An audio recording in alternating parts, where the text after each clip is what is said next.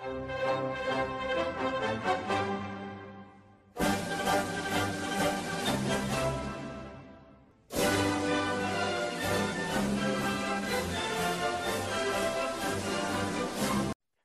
beyler Raskas'ın yeni bölümüne hepiniz hoş geldiniz. İsmet'ciğim sen de hoş geldin. Bugün enerjini yüksek görüyorum. Öyle mi? Enerjimiz yüksek. Ee, var. ya bir şey diyecektim. Evet tam dediğim an daha diyemeden bir saniye içerisinde siyasi olur mu, bir yere gönderme olur mu ama şey değil, sloganın kendinden değil. Bugün mü, dün mü grupta konuştuğum şey aklıma geldi. Bugün bugün. Ekrem İmamoğlu'nun ne kadar sosyal demokrat, ne kadar Trabzon ne denir ona? Trabzon oryanteli memleket idareci kadrosundan olması vesaire üzerine yani hepimiz şeyiz Türkiye'de. Parlamaya hazır, çakmaya hazır böyle barut fıçısı gibiyiz. O yüzden bir saniyelik böyle hebe diye kaldım. Çok iyiyim kardeşim sen nasılsın? Bunları yayınlayayım mı peki? Yayınla tabii ki canım. İnceldiği yerden kopsun. Ne dediysem sanki. ne bileyim yanlış anlaşılabilir diye sordum. İyice kor- şey yapayım. Çorba yapayım ki bir sürü bir şey söyleyip hiçbir şey dememiş gibi olsun. Buradan e, tahtaki 70. yılı olan, 70. yılını kutlayacak olan sevgili Elizabeth'e de selam çakalım. Ay başında Platinum jübilesini kutlayacak. Dört bir yanında e, kıymetli kraliyetimizin. Ve- üyeliğini. Ve bu e, halk halk tarafından coşkuyla karşılanıyor. Neden? Tahta çıkışının 70. yılı. Heh, az önce bulamadığım ve kesip attığımız kısımda bulamadığım cümle buydu. Tahta çıkışının 70. yılına denk gelen sanırım Haziran'ın başı olacak. O gün e, bu seneden itibaren İngiltere'de resmi bir bayram olacak. Dolayısıyla insanlar çok mutlu. Bir gün daha tatil neden olmasın? Diyeyim iyi de çorba yaptım, kafaları karıştırdım. Başımıza yine bir şey gelmez. En inşallah siyasetle bitirdik konuşup. Ee, şimdi hemen şimdi geçen hafta Imola yarışı oldukça e, olaylı geçti. E, hiç beklenmedik şeyler yaşandı. Ferrari galibiyeti bekleniyordu. Hiç öyle olmadı mevzu. E, Leclerc'i biraz göklere çıkartıp aynı hızla aşağı indirdiler bir hatasından dolayı falan. Çok da Evet. göklerden gelen bir karar yokmuş demek ki. Demek ki öyleymiş. Ee, şimdi şeye şeyi okudum. Jean Alesi bir açıklama yapmış. Re- eski bir Ferrari pilotu. Biraz taraflı gibi geldi açıklama bana. Çünkü şey e, Red Bull Imola'da ayar konusunda şanslıydı. Ayarları hemen buldular gibi bir açıklama yaptı ama yani şu çağda yani biraz tinetsiz bir açıklama gibi olmuş. Elde bu kadar veri varken yani bazı şeyleri şansla açıklayamazsın. Yani hani şeyi anlarım. Pite girer kaza olur şanstır falan. Okey de yani. Hani veri konusunda, analiz konusunda artık bu, bu sporda çok şansa yer yok gibi ya. Hocam tuttu. Çok güzel. Dokunmayın bir daha. Bak kurcalamayın. Yani yani, eğer realite oysa Red Bull garajındaki konuşmalar şu anda bu yönde geçiyor olması lazım. yani. Tersten teyit edeyim. Böyle geçmiyor olduğuna göre demek ki evet biraz taraftarlık var Bak sen abi. şuraya oturmuştun. Sen gene oraya otur. Ben şunu giymiştim. Nasıl Ben düzen bozmuyoruz. Bozmuyoruz. Totem devam. tabii. Bununla ilgili tabii ki teknik hemen bir yorumu katayım araya. Ee, yoksa e, rahat edemem biliyorsun. Learning curve, öğrenme eğrisi denen eğri logaritmik bir eğri. Bir yerden sonra artış hızı yani ivmesi düşüyor ve e, ne denir? E, Yatay eksene paralel hale geliyor.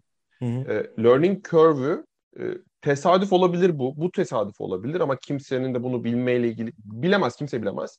O da şu ki Ferrari learning curve'üne herkesten çok hızlı başladı bu sezon. Tesadüf olabilir ya da aslında son iki senedir ufak ufak gizli gizli zaten şampiyon adayı olmadığı için çalışmaya başlamasından olabilir.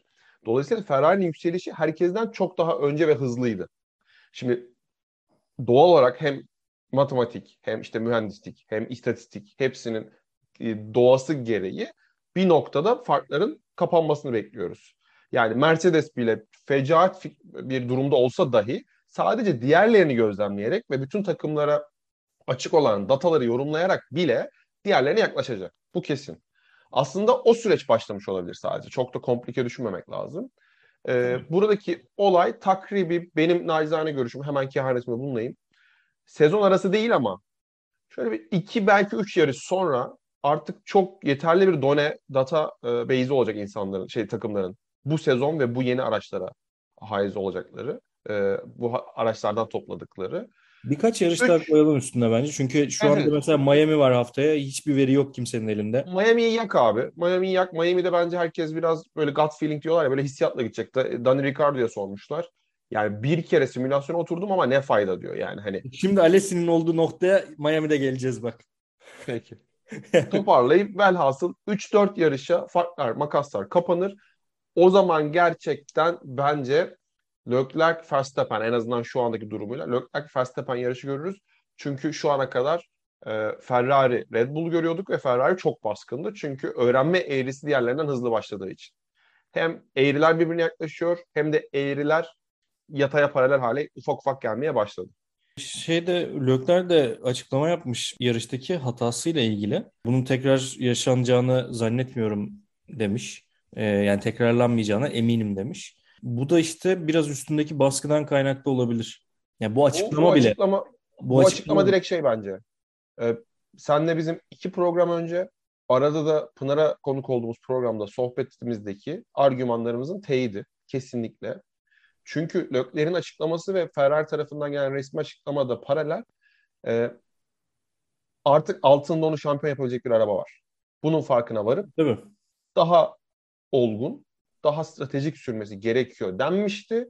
Kendisi de bunu ikrar etti. Biz de zaten bunu söylüyorduk.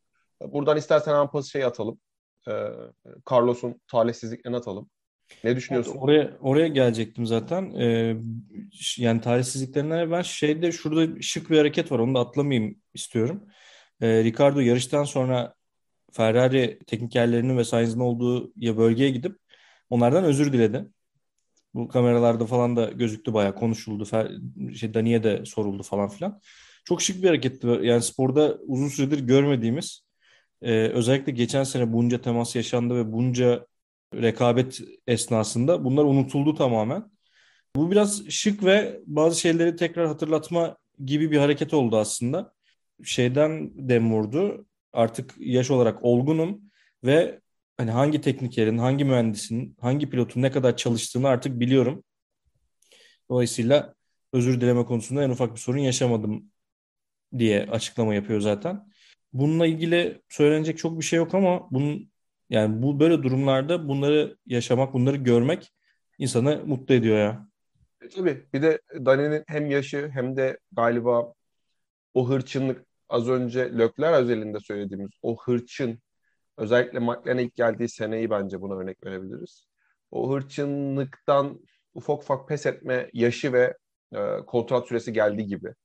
Nasıl Fetel o şampiyonluk stresini, baskısını, puan baskısını kafadan attı. Bir anda Fetel abimiz oldu. Böyle bir çok Aynen. net bir kafa rahatlaması.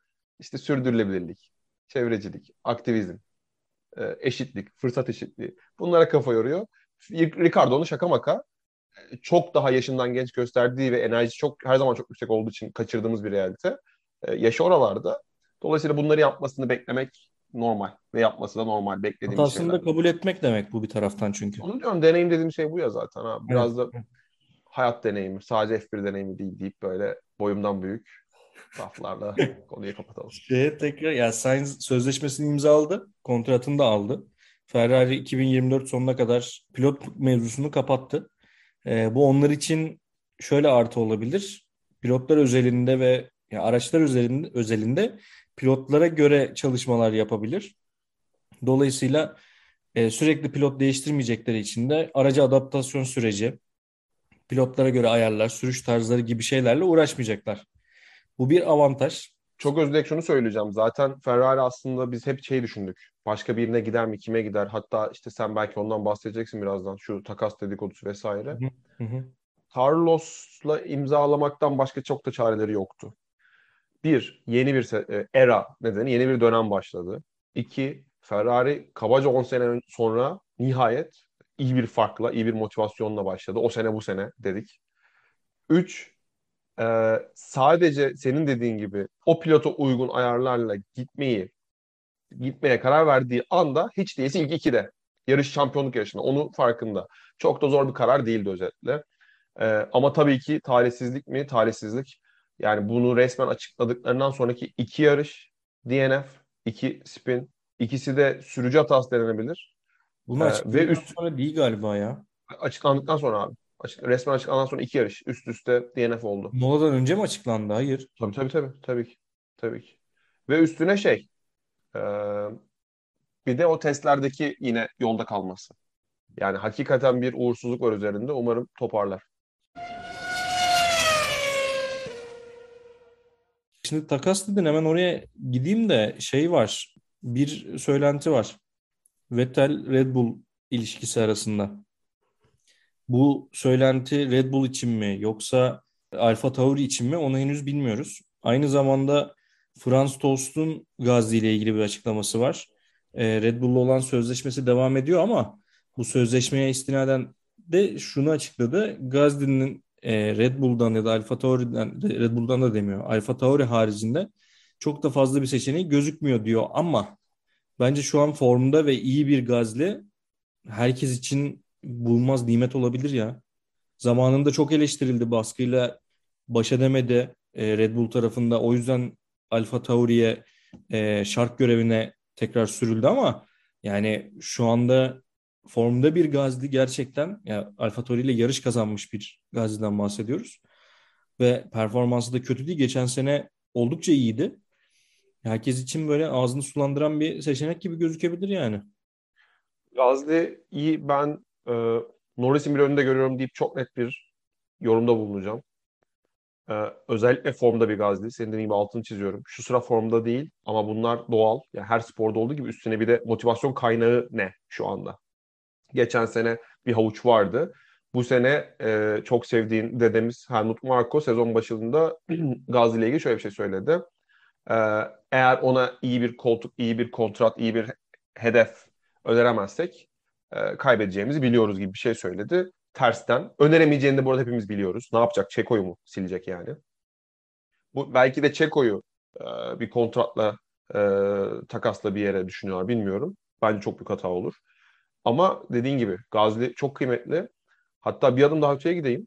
Prost'un abilik yaptığı dönemden yani bu Renault'dan başlayan Alpine'e devam eden süreçte Gazli ve Ocon. Ben ikisini de çok kıymetli görüyorum. Altlarında yani yeterli bir makine olsa fark yaratabilecek yetenekte olduklarını düşünüyorum. Bu Red Bull Akademisi diyeceğim öyle bir akademi olmadığını bilerek. Ama Red Bull havuzu diyelim daha doğrusu. Red Bull havuzunun bolluğu Red Bull'un başına bela açabilir. Okay. Red Bull Akademisi diye bir şey var bu arada ya. Sürücü Akademisi. Yok şöyle demek istiyorum. Ocon, e, Gasly, Checo, Verstappen hepsi bu akademiden değil. Ha anladım. O yüzden havuz diye düzelttim. Hatta Tsunoda. Anladım. Bu havuz, elindeki yetenek havuzu kaç oldu? Beş tane adam var değil mi? Pardon. Daha da fazla. Daha Yedekleri. geriden gelenler var abi. Tabii Yani test, test 2'de, pilotlarını sayarsan. 2'de olanlar var tabii tabii. Ya bir de üstüne şey denemeklerini sokarsak Piastri gibi bir adam, Oscar Piastri gibi bir adam burada koltuk bulamadı. Evet. Çünkü Guan Yu Zhou'nun babası kadar parası olmadığı için çocukcağız koltuk bulamadı yani. Velhasıl e, bu bolluk başlarına sıkıntı açabilir diye düşünüyorum. Ya öyle olacak gibi de gözüküyor. Bir taraftan şu var. Yani bu esnada Vettel'le görüşüyor olmaları şey olabilir. Alfa Tauri'deki koyacakları ikinci herhangi bir sürücüye abilik yapması için orada tecrübeli bir pilot bulunması belki işlerine gelebilir. Bir taraftan şu da var. Hala hala hazırda takvimdeki yarış sayısı artarak devam ediyor. Bir dönem 14 ile 17 arasındaydı 2005'e kadar. 2005'ten 2009 arası 18-19'a çıktı falan. Ee, ve geçen sene 20 yarışlık bir takvim yapıldı. Şu anda 23 yarışlık yapılırsa tabii 22 ama 23 yarışlık bir takvim var. Ee, Çeko da şunu açıkladı. Eğer takvimdeki yarış sayısı artmaya devam ederse ben bu sporu bırakmak durumunda kalacağım. Ee, çünkü bir taraftan her pilotun her yarış haftası yapmak zorunda olduğu bazı etkinlikler var. Etkinlikleri geçtim. Her yarış öncesi simülasyonlar, testler, çalışmalar, antrenmanlar bunlar pek kolay şeyler değil açıkçası. Yine şey olmasın yani yapıyorlar ama bu bilmem kaç bin milyon dolar para kazanıyorlar falan. Okey kazanıyorlar ama yine de kolay bir tempo değil. Herkes gibi tabii ki onlar da ailelerine Olayından ziyade vakit öncelikler ayırmak o kadar. istiyorlar.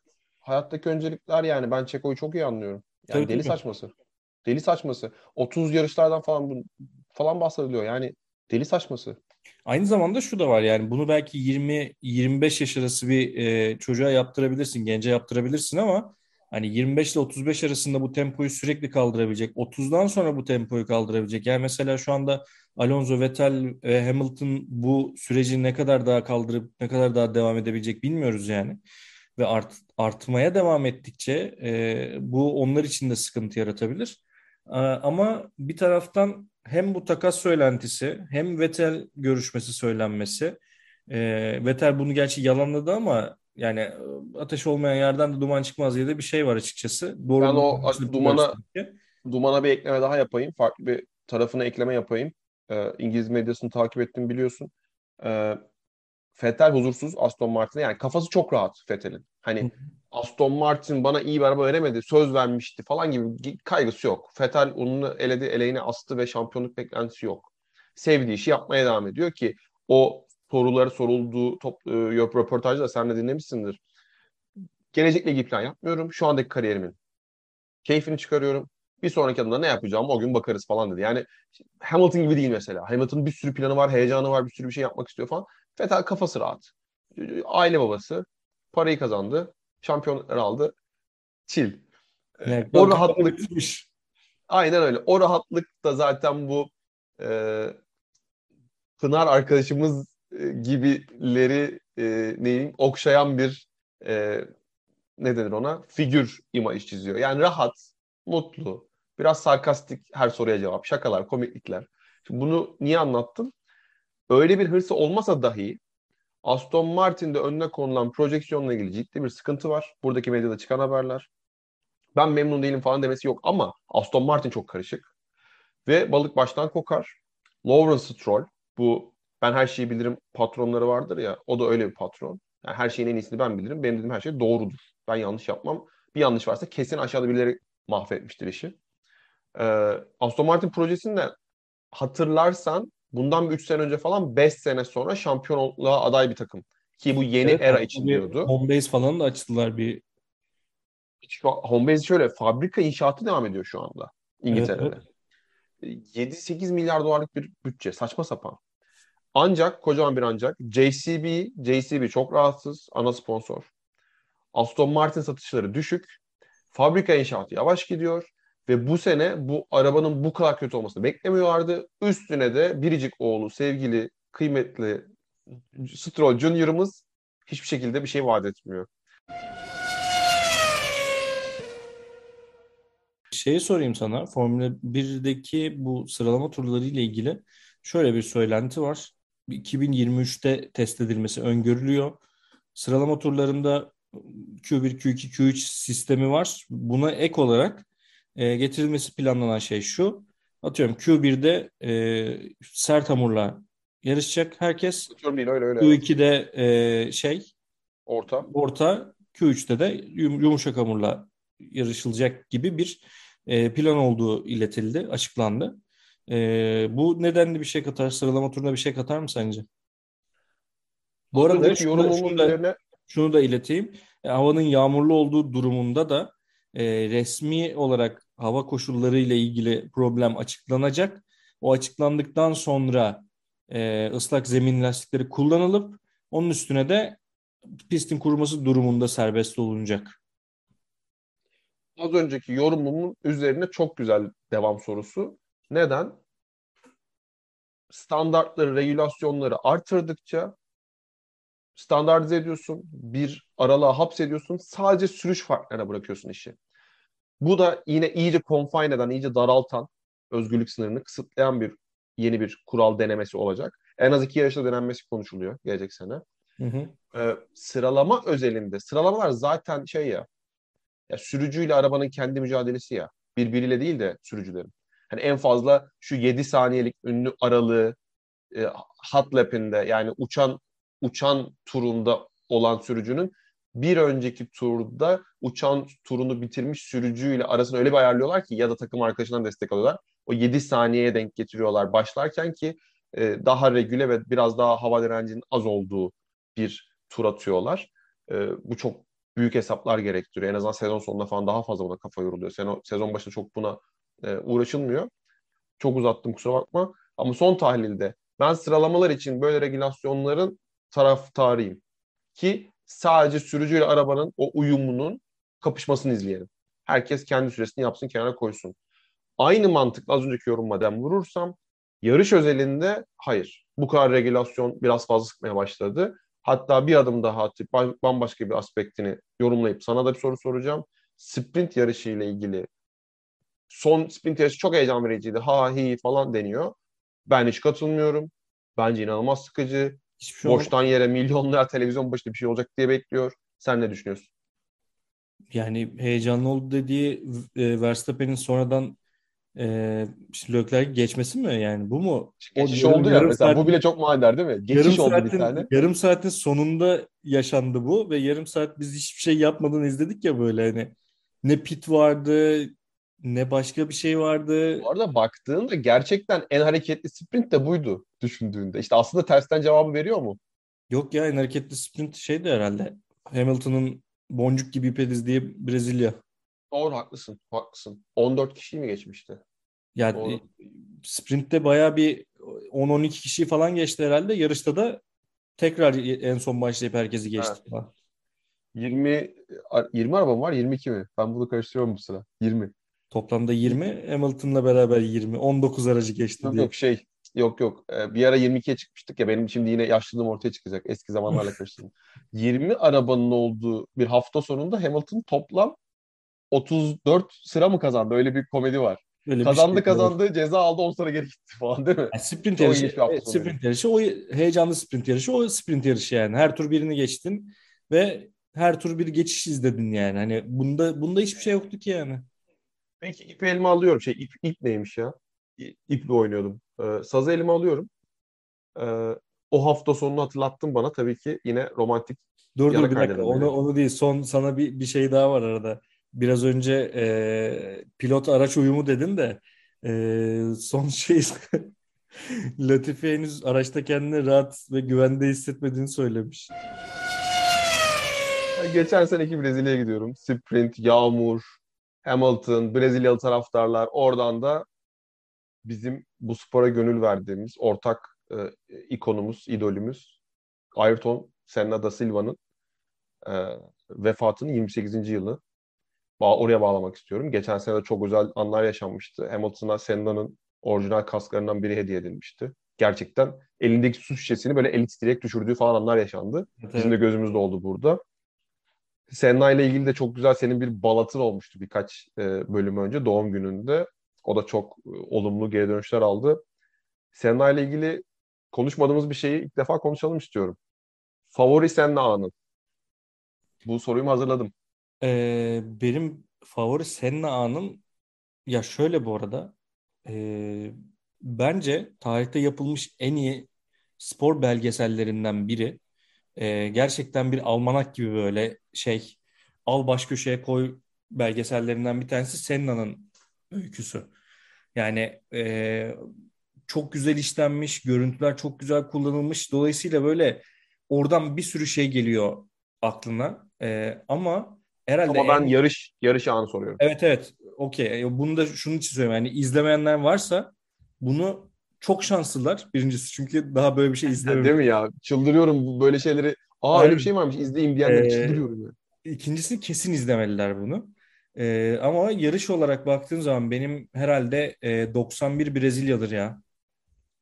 6. Aa. vitese takılı kalıp takılı kalan. E, yarışın son bölümünü 6. sadece 6. viteste geçerek şeyde de e, seremonide de kupayı kaldıramaya yani elinde bir Brezilya bayrağı var ama onu sallayamayacak kadar kolları tutmuyor halde. Yani o kupayı zorla kaldırdığı bir görüntü var yani dinleyicilerimiz bulabilirlerse o şeyi izlesinler. Gerekçesi çünkü şu o kadar ağır bir titreşim var ki araçta. Evet. Onu kullanmaya çalışırken bir yandan da vitesi sürekli deniyor. Ve o titreşimden bu arada Kastım. şunu hatırlatalım. 91'deki e, Formula 1 araçlarındaki vitesler şimdiki hani, gibi shift stick değil. Bayağı bildiğin minibüs şey gibi. manuel şey yani. bu şey gibi oldu. Ee, bir çocuk bir çocuk babasına YouTube'da bir video vardı. Aa baba bak e, kaydet ikonunu 3D printer'da basmışlar diye disketi gösteriyordu. Yani çocuk hayatta hiç disket görmediği için kaydet ikonu retrospektif olarak üretilmiş zannediyordu. Bu da öyle oldu. Biz atlıyoruz böyle gerçekleri. E, tabii ki yani normalde manuel bir arabada vites kolunu nasıl düşünüyorsanız topuzunu aynen direksiyonun yanında bir topuz var arkadaşlar. Sürekli vites değiştiriyorlar. Ve sürekli de kurcalıyor. Video kaydı var YouTube'da çok rahat bulurlar. Vibrasyondan dolayı bir yandan yağmur, çamur, göz göz görmüyor. Bir yandan da savunma yapıyor. Değil mi? Kaç turdu? Yok, 7 tur e, muydu? Ne? 7 tur mu uğraşıyor onunla? Son 7 turda mı takılı kalıyor? Çok uzun süre uğraşıyor. Hatta arkasında kim vardı hatırlamıyorum da 40 saniye farktan e, şey 10 saniyeye kadar geliyor ikinci pilot. Evet. Ben şeyden eminim abi. Kitlendiğini raporlaması son 7 tur.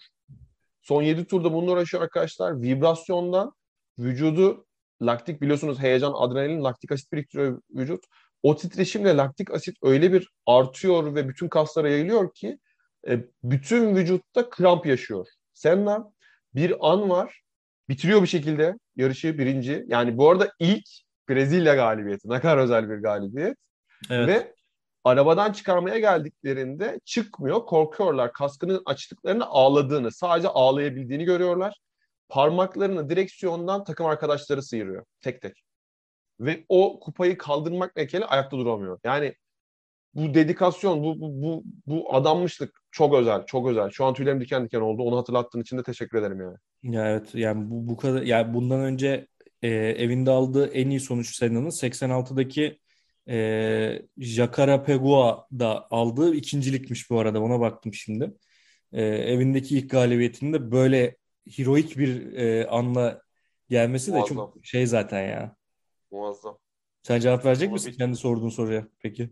Ya benim 28 tane falan cevabım var. Sana sorduğum andan beri düşünüyorum, elemeye çalışıyorum. Ben de o zaman şöyle, sen çok gerçekten sen NFP'ni söyledin. Ben o, niyeyse o aklıma gelmemiş.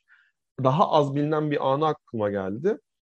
Ee, 92'de Spa ee, ya zaten günün de anlam önemine uygun oldu aklıma o geldi önce. Biraz da böyle kötü oldum.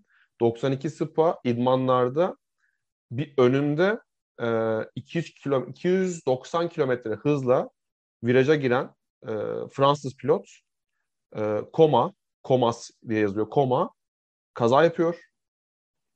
Arkasında Senna yavaşlıyor. Dumanlar, toz bulutu vesaire geçip gitmiyor. Evet. Dumanların içinde kayboldu sanıyorsun. Hayır arabayı park ediyor. Koşarak Koma'nın arabasına yaklaşıyor. O zamanlar tabii e, e, çok özür dilerim. McLaren. Tabii tabii McLaren'de yanlış bir şey hatırlamıyorum değil evet, mi? Evet, McLaren'deydi. Doğru, McLaren'de. McLaren'de Larus takımının sürücüsü Fransız pilot Koma'nın Koma'nın yanına koşuyor. Görüyor ki Koma kendinden geçmiş. Araba dağılmış durumda. Ama kendinden geçtiği için de ayağı hala pedala basılı durumda. Motor çalışıyor. Yani anlık saliseler içinde Senna kendi hayatına tehlikeye atıyor. O pompalanan benzin bir yerde fazla ısındığı için bir kıvılcım çaksa patlar araba. Öyle şu andaki gibi sensörler vesaire hiçbir şeyler yok. Bunu birkaç saniye içinde zaten yine videosu var izlerseniz birkaç saniye içinde duruma idrak edip motoru durduruyor. Bir rivayet o ki motoru oradaki kontağa benzer bir e, şey var. E, bir switch var. Oradan da durduramayıp içeriden falan bir yerden durduruyor. Elif falan çünkü aşağı gidiyor. Bayağı uğraşıyor orada. Evet, Videolarda evet, bakarsanız. Durduruyor. Koma ondan sonra güvenlik görevlileri yetişiyor. Tabii pistin dışına yetişmeleri daha uzun sürüyor. Komayı çıkarıyorlar ve hastanede e, şeyle bu fib, fib, fibratör müydü? E, şok veriyorlar ya kalbe. E, kendine tekrar getiriyor, hayata döndürüyorlar. Ve o koma ki iki sene sonra e, gerçekten yutkun, yutkunum konuşamadım. Hayatını kaybetti kaza sırasında peşinden Imola'da o sırada lider götürürken o peşinden ilk görenlerden yavaşlıyor. Ama o sırada güvenlik görevlileri çoktan hızlı geldiği için hani devam et diyorlar. Biz kontrol ediyoruz, bakıyoruz. Öyle bir an var. Ee, Koma hala hayatta. Ne zaman sorulsa sen nedense konuşamayacak kadar kötü oluyor. Ona hayatını borçlu. Evet, bugün bizim kaydı yaptığımız tarihte 1 Mayıs bu arada. Ee, Ayrton Senna'nın ölüm yıl dönümü 94'teki kazasında. E, aynı zamanda aslında ondan bir gün önce e, 94 Imola'nın unutulan kahramanı da e, Roland Rat, Ratzenberger. E, o da bir gün önce e, aynı yerde aynı viraj mı hatırlamıyorum ama Aynı, aynı viraj. pistte, aynı pistte kaza yaparak hayatını kaybediyor. Ama maalesef ki e, işte Senna gibi bir ikon karakter olmadığı için pek kimse hatırlamıyor. Bunu üzülerek söylüyorum ama maalesef işte ahlakın, ahlakında böyle değerleri var ne yazık ki yani. Evet. Hoş yani tarihi boyunca Formula 1'in nice canlar gitti. İşte sadece bir iki ünlüsünü hatırlıyoruz. Doğru haklısın. Ama şöyle bir şey var. Yani hatadan ders çıkarman, insanlığın böyle ilginç bir özelliği var. Ee, bugün geçen sene Hamilton'ın boynu kırılmadı da nasıl hayatta kaldı diye konuşuyoruz. Ee, Hülkenberg diyecektim. Groyan nasıl hayatta kaldı diye konuşuyoruz. İşte bunların hayatta kalmasını sağlayan teknolojiler bu acı deneyimlerden geliyor. Öyle ki e, Senna'nın o kazası hemen sonrası sadece egolar yüzünden dağılmış olan o güne o, o günden önce e, Formula 1 Grand Prix Sürücüler Birliği hemen bir araya geliyor 12 yıl sonra. Diyorlar ki iş ciddi, biz birbirimize destek olmalıyız. Yani böyle bir ikon ki sonrasında bile spora katma değer yaratmaya, değer katmaya devam ediyor. E, bu birliğin kurulması ile ilgili FIA'dan çok net güvenlik taahhütleri ister pozisyona geliyor, elleri güçleniyor sürücülerin. Ve bugün e, Halo dediğimiz ya da bu şu an adını unuttum boynun etrafına sarılan parça neydi? Hatırlamıyorum. Ee, eskiden eskiden Hans deniyordu da ismi değişti şimdi. Kafa boyun destek sistemi. Hı. Bunun gibi birçok e, güvenlik önlemi, estetik kaygılara o zamanlar e, iç edilen güvenlik önlemi standart hale geliyor ve şu andaki zevk aldığımız çok daha hızlanmış F1'in evrilmesine e, yol açıyor. Evet, umarım da e, bir daha Raskas'ta bunları konuşmamış oluruz. E, herhangi bir pilotun hayatını kaybetmesinden sebep e, bir konuya girmemiş oluruz. E, süremizi de biraz uzattık. Bizi dinlediğiniz için teşekkür ederiz. E, bizim Raskas F1 podcast sayfamızı ve Deplase dergi sayfalarını takip etmeyi unutmayınız. Bunları da artık söylemeye alışmalıyız İsmetciğim. Evet, o kadar amatör yapıyoruz ki bunları söylememiz lazım. Peki o zaman biraz enerjiyi düşürdük. Sadece çok kısa uzattık nasıl olsa bir cümle daha uzatayım. Sen çok sevdiğin bir karakter var. Ee, Ratzenberger'in o zamanlardan en iyi dostu ve o dostu ki Ratzenberger onun e, hayat idolü, e, rol modeli, rol modeli. E, Helmut Marko. Helmut Marko'nun F1'e F1'e hayatını adama kararı vermesi o kazadır. Ratzenberger'in ölmesiyle beraber diyor ki ben buraya bütün mesaimi harcayacağım, bütün varlığımı harcayacağım. Avusturya'ya tekrar Formula 1 çünkü Ratzenberg bir halk kahramanı Avusturya için. Hı hı. Ondan nice şampiyonluklar bekleniyor. Avusturya'nın bayrağını dalgalaması bekleniyor. Maalesef olmadığı için bütün ulus yıkılıyor. Helmut Marko da kendi öyle bir söz verdiğini birçok kez farklı ortamlarda dile getirmiştir. Bugünkü Red Bull projesini bile her fırsatta Ratzenberger'e atar, şey, adar. O zaman son cümle olarak şey yapayım diyeyim ki göndersin Verstappen'i de getirsin bir tane Avusturyalı. Niki Lauda yeni. Raskas sona erdi. Kendine iyi bakıyorsun. Raskas sona erdi. Hepinize teşekkür ediyoruz. Hazırlan linçlere.